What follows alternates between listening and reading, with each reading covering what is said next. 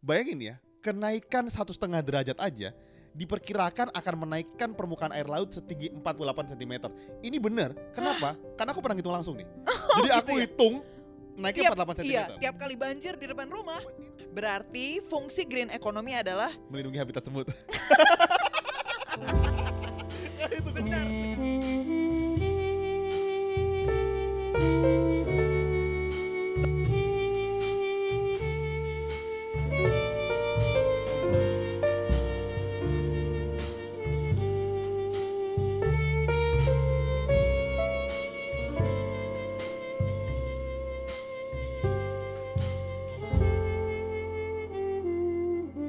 Yes. nah gini ya. Kita nih terakhir rekaman podcast tuh tanggal 20 eh bentar aku cek. 18 April, Beb. Oke. Berarti hampir satu Sebulan. bulan. Sebulan sebulan lalu ya, Iya. gitu. Terus demi Bank Indonesia kita rekaman lagi, Beb. Benar. Demi keberlangsungan ekonomi nasional. Gue luar biasa. Iya. Lu bayangin, berarti betapa kita sangat peduli sama ekonomi kan? Iya benar. Karena ekonomi kita agak kurang nih sekarang. Jadi, eh, Ekonomi kita sebagai keluarga atau Indonesia nih? oh ekonomi kita sebagai keluarga Oh dong. iya. jadi, jadi gini teman-teman. Coba sekarang kali ini kita sebut tema apa kita bahas hari ini? Jadi hari ini kita akan bahas tentang pembiayaan hijau. Luar biasa. Jadi ini dalam relationship hubungannya apa nih Beb? Gue juga nggak tahu, makanya coba lo sebutin. Apa sih efeknya pembiayaan hijau terhadap kita punya hubungan, Beb? Karena gini Beb. Ketika kita suka lihat hal yang hijau, Heeh, sering mengkonsumsi sayur dan buah, heeh. otomatis stamina terjaga. Benar. Ketika stamina terjaga, otomatis hubungan sebagai pasangan akan lebih baik. Oh iya benar. Karena kan misalnya istri minta buat eh, eh, apa eh, beres-beres rumah kita bisa. Oh iya gitu. benar. Istri minta misalnya kita Karena makan makanan hijau. makan makanan hijau. Ah, Makanya, tapi kita mau bahas bahwa betapa pentingnya ekonomi hijau buat kehidupan suami istri, Ben. benar. Karena kalau misalnya kita bisa makan makanan hijau untuk aktivitas yang lebih baik, pembiayaan yang hijau-hijau juga pasti juga berdampak terhadap aktivitas yang lebih baik. Ah, Apalagi kalau ngomongin pembiayaan hijau di Bank Indonesia. gue nih nggak tahu ya, ketika nanti Bang Hi- eh Bang Hijau, Bank Indonesia akan lihat dipikir ini orang kok jokesnya maksa gitu. ya." tapi tapi sebelum kita ngomongin pembiayaan hijau, sebenarnya apa sih pembiayaan hijau itu? ah, jadi gini. Apanya yang dibiayain? Maksudnya sayuran buah gitu. Kita jadi makan gratis. Nah, jadi Beb, tadi kan sepakatin itu kami yang bahas gitu. Bukan gue, kamu jangan, kamu jangan gitu. Kan itu dosen tapi kamu. tapi gue makanya mau tanya lu dulu. Menurut lu pembiayaan hijau apa sih? Ah, jadi gini Beb. Sebelum kita masuk pembiayaan hijau, kita mesti tahu. Jadi kita kan tahu ya, pembiayaan hijau itu kan dimulai di tahun 2000-an. Iya dong. Oke. Di tahun, pokoknya di tahun-tahun akhir-akhir ini lah kita tahu pembiayaan hijau. Tapi gue masih cerita sedikit gini, teman-teman mesti tahu. Waktu kita belajar sejarah, kita pasti tahu ada namanya revolusi industri. Ya. Tahun 1760 dimulainya. Jadi waktu itu era-era itu di saat semua industri berkembang, tekstil berkembang, Mm-mm. dari kuda mau mulai ada perubahan menjadi mobil, Eh. mesin-mesin Oh, kuda bisa berubah jadi mobil ya? Eh. Luar biasa. bukan. Gue baru tahu nih. Ternyata mobil tercipta dari perubahan bentuk fisik kuda, saudara-saudara. Ini contoh jokes gue yang dipatahin ini sebenarnya belum masuk sebetulnya. Jadi zaman Henry Ford mengindustrialisasikan mobil, itu Ah. kan muncul di revolusi industri. Hmm, Dari betul. tadinya mobil hanya dipunya orang-orang kaya, sehingga semua orang bisa punya mobil. Ya. Nah, teman-teman bayangin ya. Pada zaman industri berkembang pesat, otomatis bahan bakar digunakan tuh batu bara, minyak. Tanpa ya. disadari, itu membuat ekosistem jadi rusak. Hmm, Sebetulnya kalau ditanya, berarti buruk dong? Ya enggak. Karena orang jadi mengenal banyak hal sekarang. ya, ya. Teknologi juga makin berkembang, Mempermudah orang hidup juga. mempermudah hidup, orang jadi maju. Nah, ketika sekarang orang makin maju, muncul banyak penelitian baru. Hmm, Oh, ternyata bumi kita nih makin tidak baik-baik saja sebetulnya. Ya. Mari kita mulai merubah apa yang bisa kita ubah. Hmm. Tentu teknologi udah berkembang, kita syukuri karena lebih baik. Tapi itu nggak menjadi dasar kita untuk tidak mengubah apa-apa menjadi lebih baik. Makanya muncullah, dimulailah eh, pembiayaan hijau. Luar Hmm, biasa. Nah, pinter juga kamu ya. Pinter dong, kan Iya. kan baru riset ini tadi. kan nyontek. nah sekarang Beb, mari kita bahas Apa itu pembiayaan hijau? Oke, pembiayaan hijau adalah suatu kebijakan dari Bank Indonesia yang dikeluarkan untuk mengadakan sumber-sumber pembiayaan yang mendukung upaya dalam mengatasi perubahan iklim. Jadi sederhananya gini, eh gua ada nih suatu gerakan untuk mengatasi perubahan iklim atau misalnya untuk eh, supaya Indonesia lebih go green atau supaya kita punya ekosistem dan lingkungan tidak makin rusak. Ah, Bank Indonesia pasti akan biayain. Oh, see. gitu. Oh, sorry, sorry. Gak bilang pasti sih, Sorry. tapi maksudnya maksudnya adalah Bank Indonesia itu sedang mau melakukan kebijakan. Pokoknya siapa yang punya ide-ide atau siapa yang punya ekosistem bisnis yang mendukung gerakan hijau, yang mendukung supaya tidak terjadi perubahan iklim yang drastis, itu pasti didukung I istilahnya see. gitu. Didukung untuk pembiayaan atau dipermudah pembiayaannya atau pembiayaannya eh, lebih banyak gitu. Nanti kita akan bahas contoh-contohnya. Tapi pokoknya istilahnya kalau lo punya inisiasi untuk supaya ekosistem kita lebih baik gitu ya, eh, instead of batu bara yang bisa terlalu merusak iklim gitu ya, ada inovasi baru. Nah, itu lu ada kemungkinan untuk dibiayai. Bukan pasti dibiayain ya? Bukan pasti. Gue ada ide nih soalnya. nih. Iya iya gue kayaknya sotoy banget padahal gue gak kerja di Bank Indonesia. Gue bukan siapa-siapanya Bank Indonesia benar, benar. gitu Tapi kan. paling tidak inisiatif Bank Indonesia itu harus diapresiasi. Betul. Karena mereka dengan dengan niat ya maksudnya dengan niat niat untuk bilang oke kalau punya inovasi bilang sama kita. Ya. Kita akan permudah jalannya. kita akan memudahkan. Gokil. Luar biasa. Sebetulnya podcast ini kan juga go green. Orang orang nggak perlu baca berita lewat paper lagi ya, gitu. betul. Jadi orang bisa dengar informasi secara langsung. Yes. Sekalipun mungkin kita nggak akurat-akurat banget gitu kan. Tapi paling tidak berita lumayan lah. berita kebaikannya kan tersebar. Betul, Nah. betul. Berita kebaikan itu memang paling penting. Betul. Nah, Beb, sebetulnya gini ya. Ini ini nggak tahu ya. Kamu mungkin punya banyak contoh spesifik tentang contoh pembiayaan hijau Mm-mm. atau eh, skema-skemanya pembiayaan hijau. Tapi aku mau bilang sedikit bahwa enggak sih, Nah. enggak punya. oh, kamu- Jadi jangan nanya ke arah situ. itu mau di riset ya. Enggak, tapi sebetulnya gini. eh, sadar nggak disadari atau kita terima atau tidak, pandemi ini kan membantu ekonomi hijau sebetulnya. Hmm, Misalnya, Betul. Misalnya ketika pandemi mulai tahun 2020 awal kan ya. Nah, 19 akhir udah mulai sebetulnya.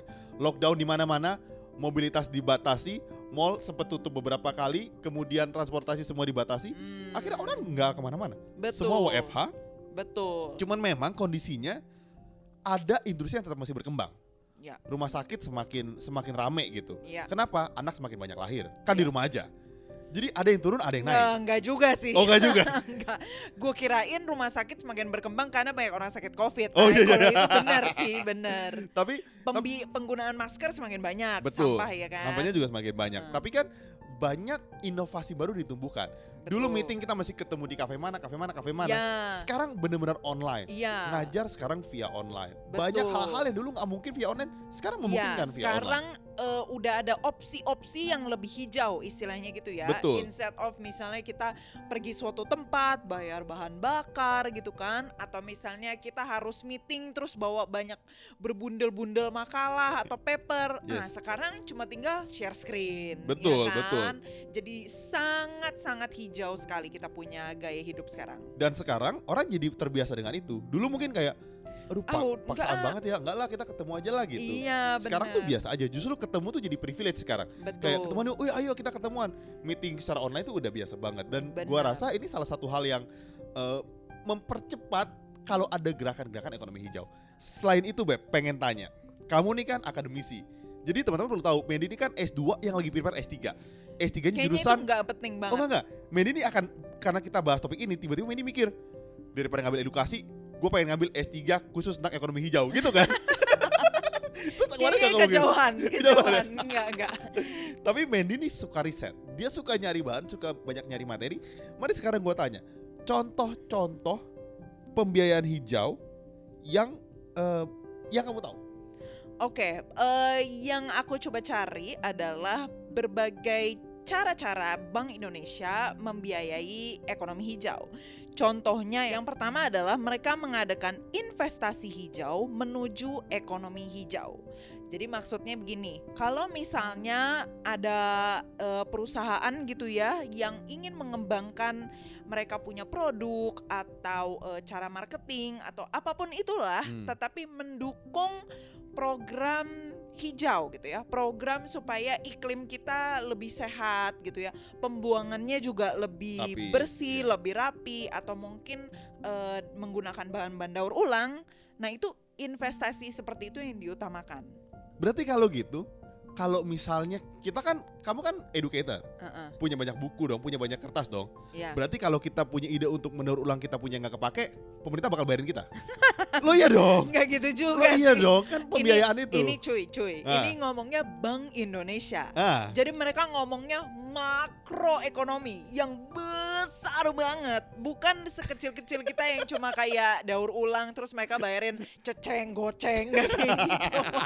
Misalnya lu Ah. punya perusahaan gitu ya, yang tadinya terus lu bikin eh, lembaran-lembaran yang banyak sekali gitu, tetapi kemudian lu menemukan kantong plastik yang bisa didaur ulang bah berbahan ubi misalnya. Ah, iya, iya, nah, iya. kayak gitu tuh. Nah, itu lu Dapat lu punya pembiayaan. bisa dapat investasi. jadi Nah, sekalipun, misalnya kan kita tinggal di daerah Citra gitu ya. heeh. Kita ngumpulin semua kertas bekas di Perumahan Citra Garden Terus kita bawa ke Bank Indonesia kita bilang gini Pak di depan ada truk Itu bapak bisa daur ulang Kita bakal biayain gitu Enggak Eh, kayaknya enggak deh. Jadi ini kita ngomongin bisnis, I see, oke. investasi. Oke Kalau misalnya lu bawa kertas-kertas Citra Garden itu bukan investasinya namanya. Ya. Itu buang sampah. Dan pengen dibayarin sama aja tuh Bener. Jadi jadi sebetulnya yang yang menarik adalah Pemerintah tuh tidak tutup mata ya, Akan jadi bilang gini Aduh gue punya barang bisa gue pakai sih Tapi kayaknya nggak guna Udahlah buang aja Enggak kalau bisa inovasi produk lu itu, lu nah bisa ajukan mungkin proposal ke Bank Indonesia. Mereka Yes. sangat mendukung soal ekonomi hijau. betul Gitu kan? sekali. Heeh. Beb, terusin. Masa orang doktoral cuma satu datanya? Iya bener juga ya. Lanjut, Beb. Eh, masa contohnya cuma buang sampah kertas di Sama-sama daur ulang. Beb. Lagi, yang aku coba baca yang kedua adalah bagaimana Bank Indonesia ingin membangun ekosistem yaitu maksudnya gini bukan bangun eh, danau buatan ya danau buatan juga bisa juga Ya. ekosistem ya kan untuk bebek angsa Ya. dan juga burung-burung Betul, betul. tapi maksudnya ekosistem bisnis yang go green Oke. jadi adanya em, kerjasama antara pihak yang berwenang dan juga pemangku kepentingan. Karena misalnya nih, lu bisnismen, lu pengen bikin suatu inisiasi eh, go green. Ya. Tapi nggak dibolehin sama pemerintah. Ya. Kan sama aja ya. Maksudnya ada kebijakan-kebijakan tertentu yang mungkin bertentangan Ya. gitu dengan lu punya inisiasi. Nah, itu susah juga.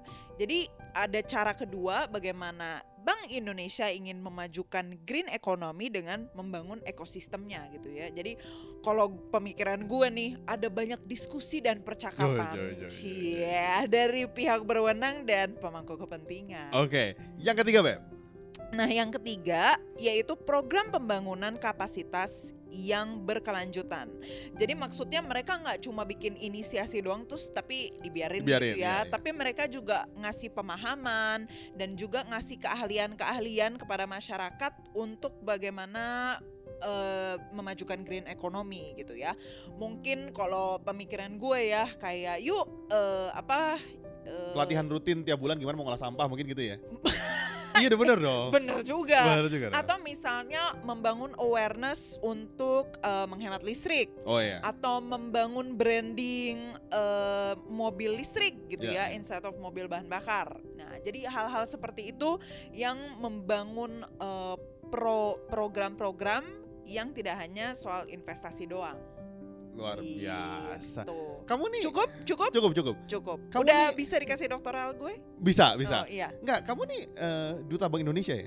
Kok kayaknya hatam banget Diam-diam, begitu? eh-eh, kayaknya. Kayaknya bener. Nih, oh ya by the way kalau Bank Indonesia mau sponsorin sekolah Medi juga boleh loh. Dia nih senang sekolah. Oh iya. Jadi di sekolahin apa aja kayaknya dia seneng kayaknya. Boleh boleh. Ntar gue buatin inisiatif-inisiatif lainnya. Kan ini cuma tiga. Ah iya iya Nah, kalau gue S3 mungkin gue bikin bikin tiga lagi. jadi jadi kita nggak hanya ngomongin itu tapi sebenarnya kita nih ngajuin ngajuin eh, proposal kan. Oh iya Boleh benar. Boleh dong, Untuk sekolah sekolahkan nih. kita. Jadi gue mau bilang bahwa teman-teman sebenarnya kenapa sih ekonomi hijau itu penting? Nah, jadi ekonomi hijau itu penting kalau misalnya lu lu pada eh dengerin ini nih Hmm. mau umur panjang. Nah, Nah, kenapa itu? kenapa Beb? Nah, coba lu dong sekali-sekali lah. Karena gini teman-teman, kita tahu kan bumi makin panas. Yes.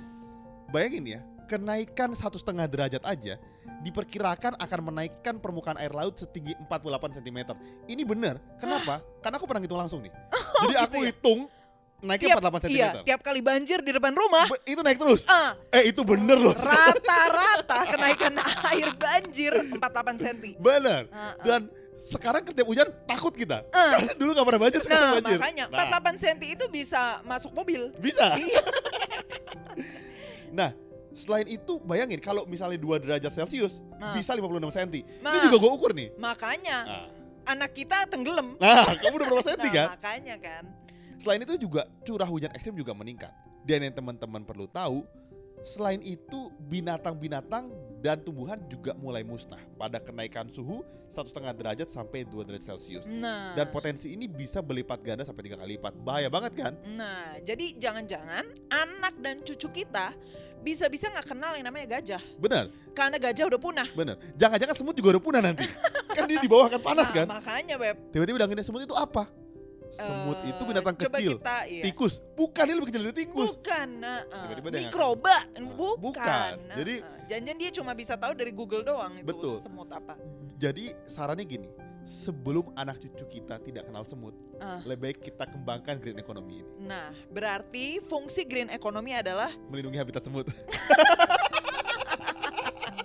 itu benar sekali. Dong, Dan gokil. dengan itu Nah. kita mengakhiri episode podcast kita. Jadi teman-teman, buat teman-teman yang masih penasaran, boleh nyari informasinya di Bicara Makroprudensial Yes. atau juga Instagramnya Bank Indonesia. Betul. Akan ada banyak informasi dan tentunya kita mendukung program pemerintah untuk melindungi bumi ini demi kita dan anak cucu kita. Ah. Jadi sampai sini aja. Buat teman-teman yang mau DM DM, bisa DM kita ke @piloto.podcast atau bisa email kita ke pirotokpodcast.id at gmail.com Jadi sampai situ aja. Sampai ketemu minggu depan. See ya. See ya.